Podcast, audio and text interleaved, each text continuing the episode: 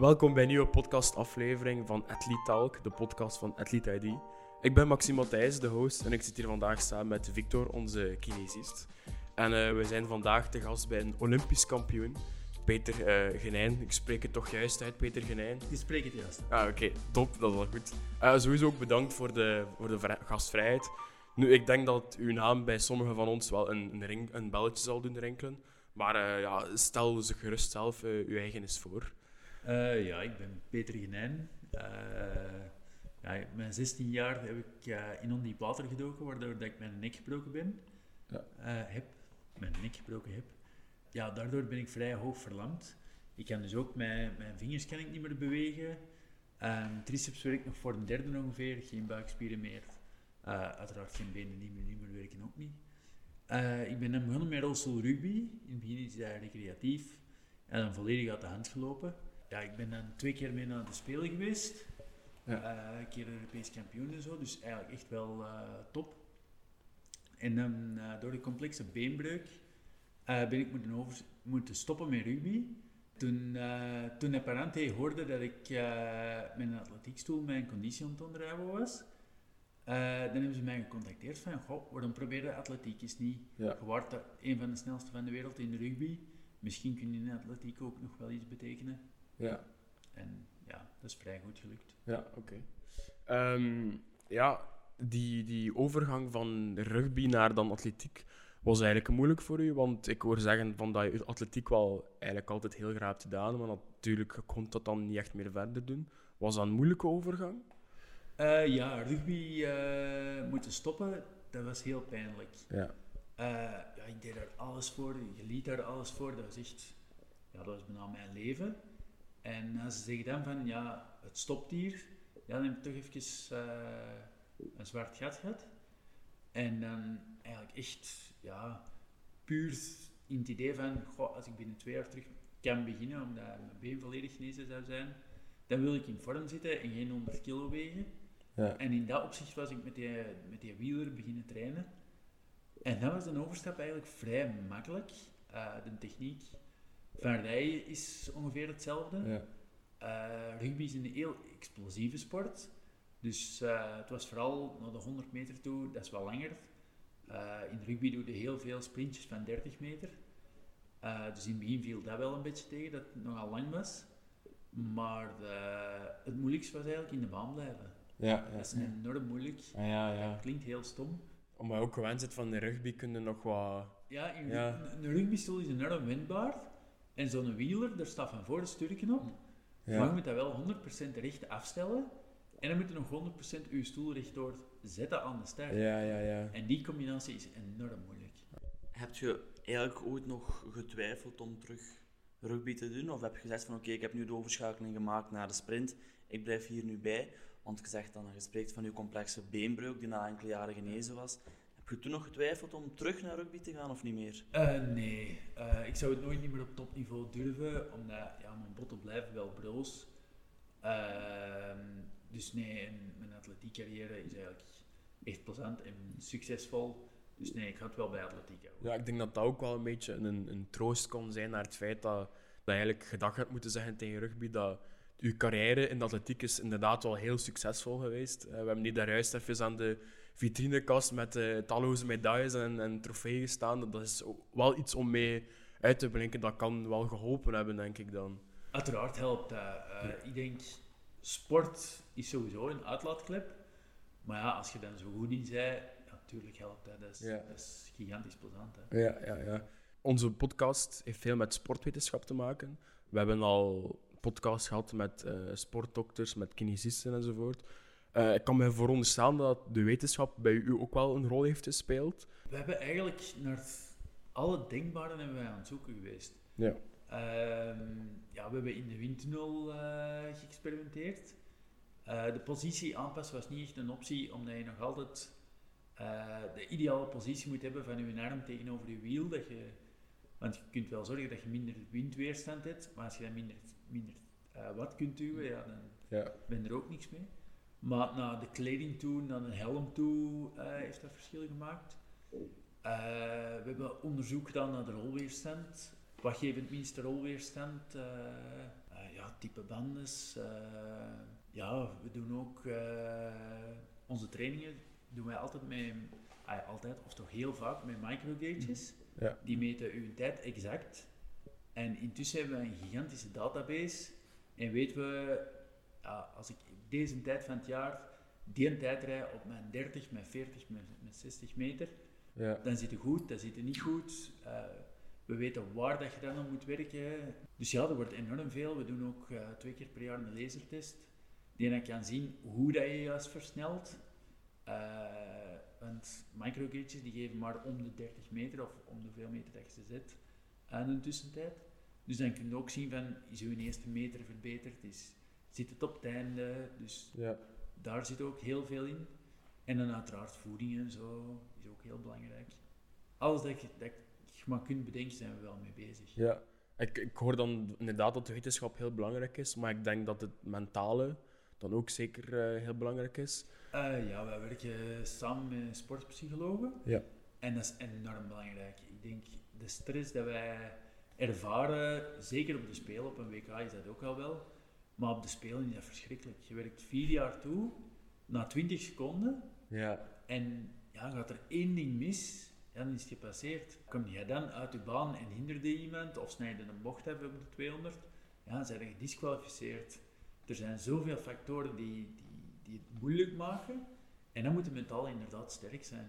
Ja, kan ik mij wel inbeelden van, je werkt dan zo lang naar iets toe, en als het dan niet lukt, dat je dan in een, ook in een zwart gat kunt vallen van is daarvoor dat ik dan vier jaar heb gewerkt voor... Maar dat is nog niet gebeurd bij u? Of, of heb je meestal uh, al kunnen presteren in principe? Meestal heb ik uh, kunnen presteren op het niveau dat ik wel uh, ongeveer verwacht. Ja. Ja, ik heb wel een jaar gehad in 2019, was echt een slecht jaar voor mij. Het, het draaide echt vierkant gewoon. En we hebben dan net op tijd nog min of meer goed gekregen. En ik heb dan uiteindelijk goud op de 200 meter kunnen halen en zilver op de 100. Ja, die zilveren, dat is eigenlijk uh, na een reeks van 10 gouden, pikte dat wel. Ja, ja, ja. Maar ik wist toen, ja, meer zat er op dat moment niet in. Ja, ja. En uh, ja, toen zijn we vooral moeten gaan zoeken van hoe kunnen we dat hier oplossen. Want uh, Tony Pispaan, de Finn die dat toen gewonnen heeft, mm -hmm die had enorme progressie gemaakt in zijn start. En daar verloor ik het gewoon. En ik had dan net een minder jaar, hij had een topjaar voor hem. En ja, dat is mentaal toch wel moeilijk op die moment. Ja, ja. Ik hoor je nu spreken van 2019, maar wanneer is eigenlijk uw, uw carrière in de, in de atletiek eigenlijk gestart? Want je bent nu ook al 45, als ik mij niet vergis. Uh, dus als, ja, ja, okay, ja dan, dan zei je toch ook al, want je bent al redelijk lang actief in de eh, sport? ja, ja, ik ben met atletiek begonnen in 2014. Dus ja, ik heb er intussen al wel een beetje ervaring mee. Uh, hetgeen dat wel een groot voordeel is, misschien een stom woord, maar om, om in de Paralympics mee te doen, moet je eerst iets meemaken. Dus in ieder geval, je moet je nek breken. Uh, je moet revalideren, je moet met je handicap leren omgaan. Je moet dan ook nog beginnen met sporten, je moet goed worden in sporten. En je bent direct 10, 15 jaar kwijt hier, dat je deftig met een rolstoel ja, ja, ja. En dan speelt ervaring een hele grote rol ook nog. Dus op het moment gaan mijn tijden nog altijd stijgen in de lijn. Dus uh, ik hoop dat het nog even zo kan blijven. Uiteraard ja. spreken we hier niet over tiendes niet meer, maar ay, ik zie nog altijd mijn toptijden en soms is op training een honderdste sneller of zo. Ja. Dus uh, ik denk dat de ervaring enorm meespeelt in een enorm technische sport. Dus je hebt momenteel nog niet het gevoel dat je echt je peak performance al bereikt hebt. Je denkt dat je echt nog meer kunt, ik kunt denk, doen. Ik denk dat er nog een beetje margin op zit, maar ook door het materiaal. Uh, ze zijn momenteel enorm met carbonwielers en zo bezig. Ik ben nu bezig uh, aan het kijken van de carbon hybride wieler. Dat wil zeggen dat het mainframe is carbon en al het maatwerk, het zitkuipje, dat wordt in aluminium gemaakt. En dat zorgt dat de prijs nog relatief betaalbaar is. Mhm. Terwijl een, een full carbon stoel, dat is uiteraard nog beter. Maar dan spreekt over ja, 25 à 50.000 euro. Mooi. Dat is iets boven budget. Ja. Dat is een auto. Ja, ja. Dat is anders. Ja, auto, En maar merk je nou wel dat sommige van je, van je concurrentie wel met zo'n materiaal werken? En merk je dat verschil in prestatie? Uh, ik weet, er zijn er momenteel een paar die met die carbon hybrides rijden uh, van mijn directe concurrenten. Uh, onder andere die Wal.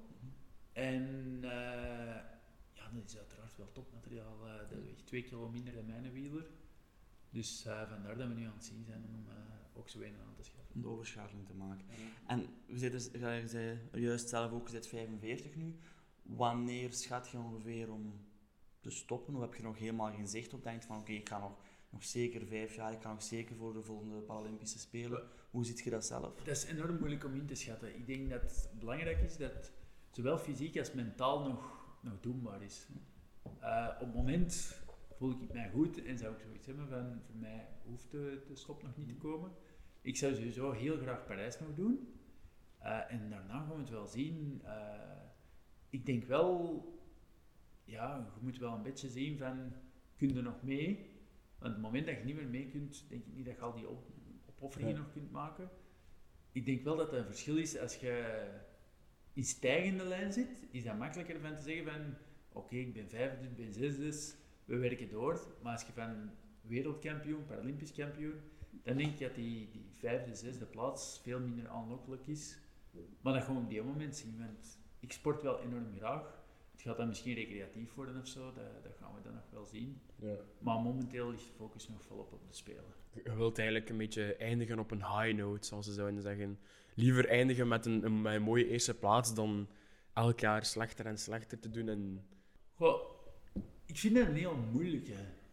Ik vind eindigen op een high note, ja, maar we dan ook niet altijd het dingen nemen van, ja man, volgend jaar dat misschien. Ja, van, van wat had er nog misschien kunnen gebeuren? Op welk punt moeten stoppen? Ik vind dat een hele moeilijke. Ik denk, zolang je het plezier erin hebt en geamuseerde wijgen en je kunt, je kunt het opbrengen, ja, is dat dan, is dat dan een zilveren, een bronzen medaille of een vierde plaats? Ik denk dat dat niet zo. Ja, het gaat vooral om, om plezier dat je erin kunt, kunt houden.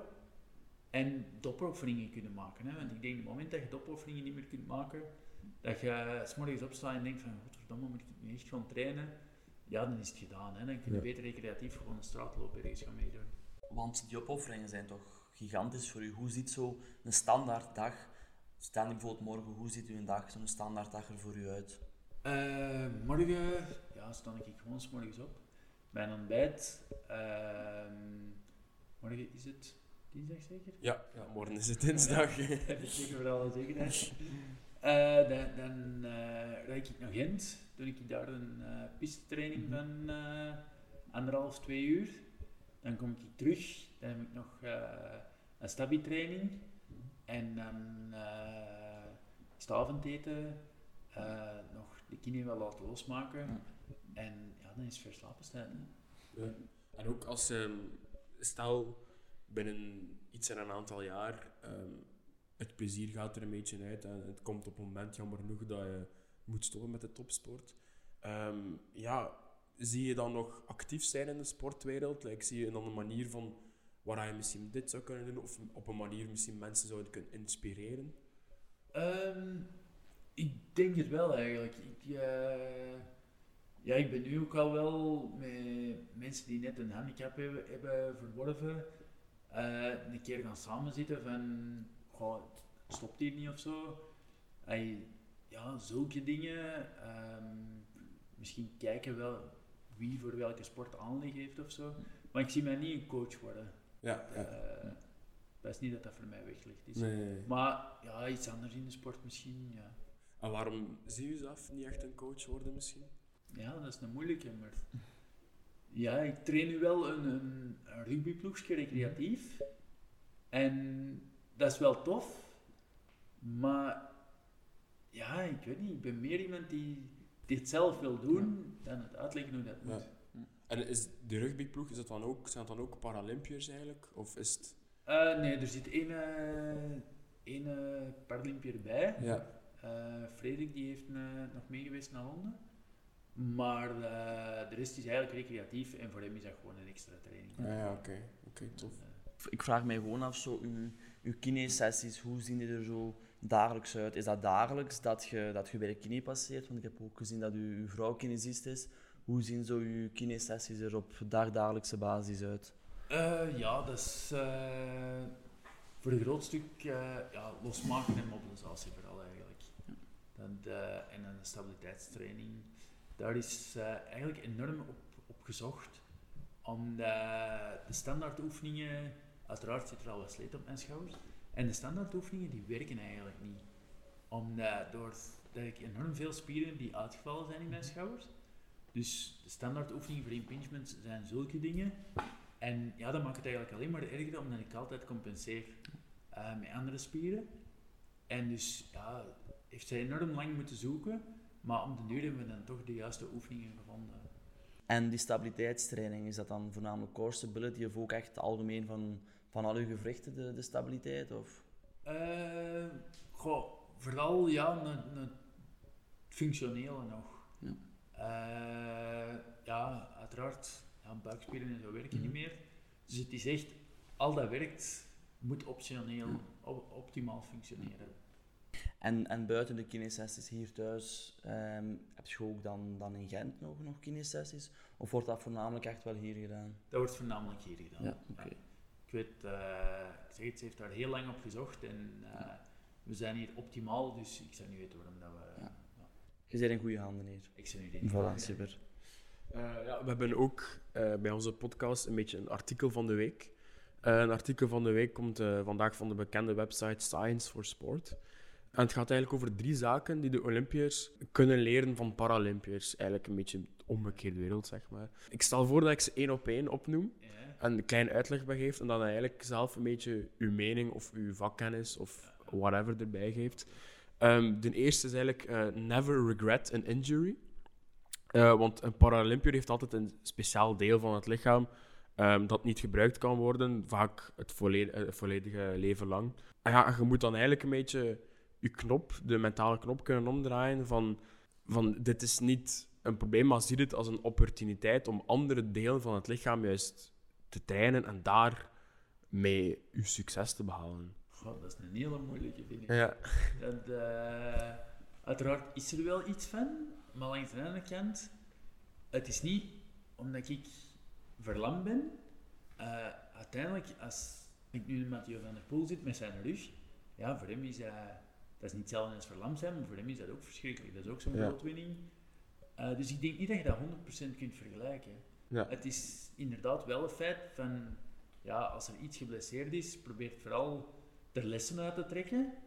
En hopelijk brengt het geen grote, grote doelen in gevaar. Ja. Maar ik vind het wel een hele moeilijke om dat zo rechtlijnig te zeggen. Van, ja, ja, ja. Moet je er maar over zetten, want er zijn er die... die ja, het, het, voor de duidelijkheid, het is niet ons artikel. ik heb het niet geschreven. maar ik zeg, ik zeg niet dat het fout is, maar ik denk dat je altijd moet... Je kunt nooit een ander zijn rekening maken. Nee, nee, nee, oké. Uh, ja. Oké. Nee, dat vind, dat vind ik mooi gezegd, dat vind ik mooi gezegd. Um, het tweede is always pick the best exercises in that moment of time.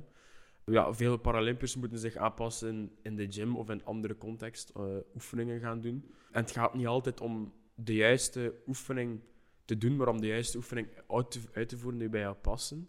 Iemand die geen um, handicap heeft of iemand die geen verlamming heeft, kan dit machine op die manier gebruiken, maar bij mij moet het dan eigenlijk zo gebruikt worden. Uh ja, er, er zijn inderdaad dingen, bijvoorbeeld mijn, mijn handen werken niet. Ja. Dus we moeten inderdaad gaan kijken van ja, als ik gewicht, gewicht wil opheffen, hoe lossen we dat op? En daar bestaan speciale handschoenen voor, die je rond je pols doet, je doet je gewicht en dat is een, een flap die daarover komt. En dat is met een klittenband en dan heb je je gewicht vast. Ja. Dus dat zijn inderdaad zo van die kleine aanpassingen dat je kunt doen. Maar dikwijls ook veel uh, toestellen kunnen met een rolstoel niet bij.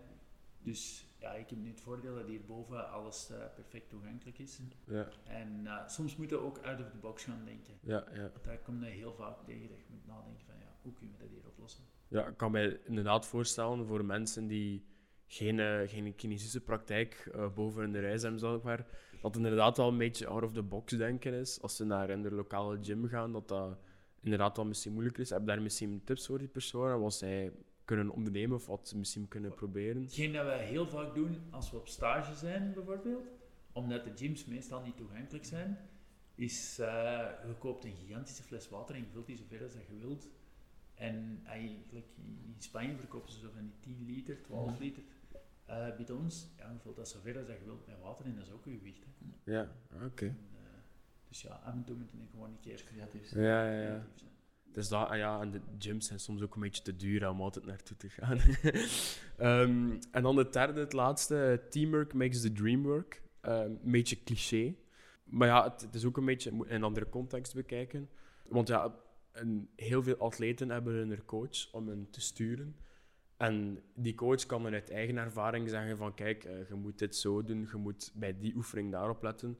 Maar ik kan mij veronderstellen dat als als Paralympier een coach hebt en die kan zich niet inbeelden hoe het is om dag in dag uit eigenlijk altijd oefening te moeten doen, uit de rolstoel of naar de gym te moeten gaan en inderdaad met die speciale banden te werken, dat dat misschien moeilijker is voor die coach. Dat dat misschien een, een slechtere communicatie kan veroorzaken? Uh, ik denk dat inderdaad uh, dat het makkelijker is voor een valide atleet, omdat je inderdaad uh, zelfs je fietspositie, die is perfect geweten wat dat de perfecte fietspositie is. Ja. Een coach kan zich inderdaad perfect inleven. Dat bij ons heel belangrijk is dat een atleet zelf deel ervaring heeft, dat hij weet dit is mijn lichaam en zo moet ik mijn rolstoel rijden. Je moet zelf, bij ons rijdt bijna iedereen op een andere manier met zijn rolstoel. Je moet zelf je techniek perfect ontwikkelen en onder controle krijgen. Dus het is veel moeilijker van een coach van u te sturen van dat is de perfecte techniek.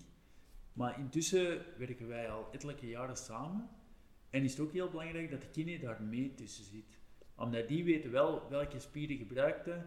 Want ik, ik gebruik spieren dat ik zelf niet weet of ik ze nu gebruik of niet. En de kine weet dat dan wel. En dus die gaan wel zeggen van, ja, maar ja, die spier, op het moment dat je aan het overbelasten, zorg dat je dat een beetje niet doet of zo. Dus ik denk dat je daar wel meer samenwerking nodig hebt dan bij een valide atleet. Ja, ja. Uh, maar intussen, ik zeg het, mijn coach kent mij intussen ook al heel goed. Uh, ze gaan bijvoorbeeld ook slagen tellen op een 100 meter. Ja, zijn er plots drie slagen minder, dan weet ze ook dat er iets anders gaande is. Ja, ja. Uh, dus ja, zulke dingen zijn echt wel belangrijk. Ja, dat is misschien ook iets waar je jezelf kunt inleven, aangezien dat je, zoals je eerder al zei, coach bent van een, een klein rugbyteam. Uh, ja, maar ik zeg, coach is niet echt mijn, mijn ding. Ja. Maar ik weet wel, op het moment werken wij enorm goed samen en is het een beetje de combinatie van, van de feedback van de kine, van mijzelf en van de coach, ja. Uh, dat enorm belangrijk is. En af en toe zitten wij ook ja, met z'n allen samen met iedereen dat mij begeleidt. En dan wordt er gekeken van, ja, wat zijn de werkpunten, wat gaat er juist goed? En dan wordt daarop ingespeeld. Uw entourage, hoe ziet het er juist uit? We hebben het straks ook al eens besproken voor de podcast. Maar hoe ziet eigenlijk uw, het totale team eruit? En wat is zo iedereen zijn rol een beetje in het team? Uh, ik heb een kine die dan ook ineens de krachtcoach is. Uh, ik heb een coach. Uh, ik heb sportpsycholoog. voedingsadvies. Um, op de grote wedstrijden is er, wordt er meestal gezorgd dat er, of proberen ze dat, dat er een mechanieker aanwezig is. Maar meestal zit hij bij de, bij de wielrenners, omdat die daar meer nood aan hebben. En uh, nu was dat een beetje een nadeel in, in Tokio, dat de wielrenners niet bij ons in de buurt zaten. Ja. maar ik ben zelf enorm technisch, maar niet handig doordat mijn handen verlamd zijn. En dan uh, zeg ik meestal wat er moet gebeuren en dan doet mijn coach op de kine het effectieve werk. Um, ja, er is nog een deel algemene omkadering ook van de delegatie uit, uh, die zorgen dat alles perfect loopt. Uh, maar dus eigenlijk is dat toch wel een redelijk groot team dat achter mij staat en dat ook enorm belangrijk is. Ja. Want uiteraard, ik heb de naam van de gouden medaille, maar alleen zou Ja, nee, het is eigenlijk het, is het hele team dat er eigenlijk voor zorgt dat je die medailles kunt behalen, natuurlijk. En dan eigenlijk zij ook, stel dat er iets, uh, iets, iets misloopt technisch en de, de technieker van de fietsploeg is niet, dan moet je eigenlijk toch een beetje coachen naar hun wat ze moeten doen. Dan zijn je toch wel weer die, die uh, job van coach aan het vervullen. ja, ja, op dat moment uh, ja. ben ik meestal wel degene dat zegt wat er uh, juist moet Alright. gebeuren. Is er nog iets dat jij je binnen schiet? Um, misschien eventueel wel om even terug te gaan op, dat, op die krachttraining. En zo'n krachttraining, dat dat vrij functioneel is in, in het oog op Ja, om met de rolstoel je rolstoel vooruit te krijgen en dat dat niet echt analytisch is, gewoon een beetje gewicht te heffen? Nee, nee, nee, uiteraard. En dat gaat ook enorm variëren naar de periode van, van het seizoen. Uh, of dat je moet pieken of dat je niet moet pieken. Uh, er wordt ook samengewerkt met de coach dat uh, de zwaarste trainingen niet op dezelfde dag zijn als de zwaarste krachttraining. dus ja, er wordt wel enorm gezocht ook. Het hangt ook enorm samen met de stabiliteitstraining. Omdat, zeker als je in een rolstoel zit, belasten altijd dezelfde spieren. En het is ook belangrijk dat niet alleen die spieren belast worden. En ik kan me ook voorstellen dat die krachttrainingen, dat dat nou samenhangt met je dieet. Volg je een heel strikt dieet of is het um, niet echt heel strikt? Of hoe gaat dat? is vrij strikt in, de dingen dat uh, gezond moet zijn. Maar het is nu niet dat ik alle dagen mijn eten moet afwegen. Uh, een, een wedstrijddag op de Spelen, dan is dat minuut per minuut uitgeschreven van nu moeten drinken, nu moeten dat eten, nu moeten dat daar gelje nemen, zulke dingen allemaal. Maar gewoon door het jaar is dat redelijk, eigenlijk geen dat iedereen weet. Hè. Zorg dat je genoeg eiwitten opneemt, ja. Uh, ja gezond eten, niet alle dagen in het frituur gaan. Zulke dingen eigenlijk. Hè. Want ik kan me ook voorstellen dat ook die, je dieet fluctueert doorheen het seizoen, dat je dichter bij een wedstrijd komt, dat inderdaad veel, veel nauwer is. Ja, uiteraard zijn er veel veel strenger voor jezelf. En de laatste drie maanden voor de Spelen, hij zei enorm streng. Terwijl de feestdagen, dat is een aanloop, ja, dan schuif ik even goed mee aan aan de feesttafel. Hè. Wou, wou maar normaal is, er is meer dan alleen het eh, eten en sport alleen. Ik denk ook als je daar te extreem in gaat, dat je niet volhoudt. Ja. Ja. Dat misschien ook niet, dat mentaal er misschien ook niet gelukkig van wordt, want als je dan aan de feesttafel zit tijdens de eindjaarsfeest en iedereen is een lekkere gebraden kip aan het eten en jij zit daar met je, met je rauwe kip, allee, dan denk ik ook wel van, hey, denk een keer van, hij zou ook niet toch ook een keer uh, een stukje mee eten. Dus, uh, het is dat, het is ja, Ja. Want je hebt dat al als zo ja, kort voor de speel en een feestje is en ja, ze geven daar dan frieten en je moet dan iets anders eten. Ja, Dat is niet leuk. Maar op die moment is het heel makkelijk van je focus te houden en te zeggen van ja, binnen twee maanden zijn te spelen. Hè, maar ja, nu deze periode moet dat echt allemaal ja. Je weet wel wat je te doen Ja, het is eigenlijk, ik weet wat ik doe en uh, zolang dat je dan op gewicht blijft, denk ik dat het allemaal geen probleem is. En dan eigenlijk, als de Spelen net gedaan zijn, heb ze net uh, een gouden medaille gewonnen, is dan even ook alle, alle remmen los? Dan is alle remmen los. ja. Maar eigenlijk valt dat nog redelijk mee, omdat je hebt, je, je hebt een beetje een patroon van gezonde voeding en je kan er eigenlijk niet veel van afwijken ik ga uiteraard wel op dat moment uh, een keer meer naar de frituur gaan. Ja. En ja, het eerste dat ik doe, ik thuis kom, is naar de frituur gaan. Maar het is nu niet dat ik daar hey, vandaag frieten, morgen pizza. Hey, dat eigenlijk totaal niet. Ja. Uiteindelijk het zodanig je patroon van gezonde voeding dat je daar wel in blijft. Ja, ja. En je hebt ook wel het besef dat als ik hier 10 kilo bij kom, dat ze wel af moeten tegen het seizoen. Ja, ja, ja, ja inderdaad. En dan heb ik nog een, een een andere, beetje ook persoonlijke vraag. Heb je eigenlijk van al uw overwinningen één die er bovenuit steekt? Even waar je denkt, van daar had ik heel hard naar gewerkt en die beloning is echt wel enorm geweest voor mezelf? Uh, ik denk sowieso de, de Paralympische gouden medailles.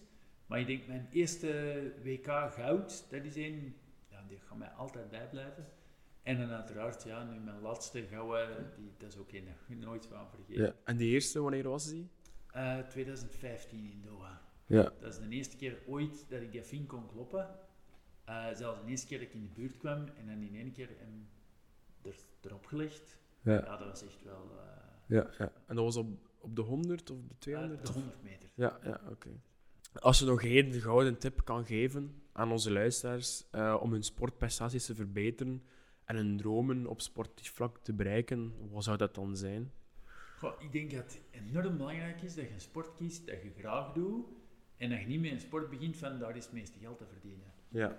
Uh, ik denk dat dat een belangrijke is, want als je het niet met volle overtuiging en passie doet, ga je nooit alle opofferingen kunnen maken die dat je moet doen. Ja. En ik denk dat dat een heel belangrijke is. Okay. En dan, ja, liefst een sport waar je een beetje talent voor hebt, dat helpt ook uiteraard. Maar ik denk, ja, zonder het plezier gaat het ook niet, niet top worden. Ja, ja. oké, dat vind ik uh, mooie woorden om mee af te sluiten. ik wil je nog eens bedanken om vandaag om bij onze podcast te zijn. En dan wil ik juist ook zeggen tegen de luisteraars dat ze zeker ook de volgende aflevering mogen luisteren.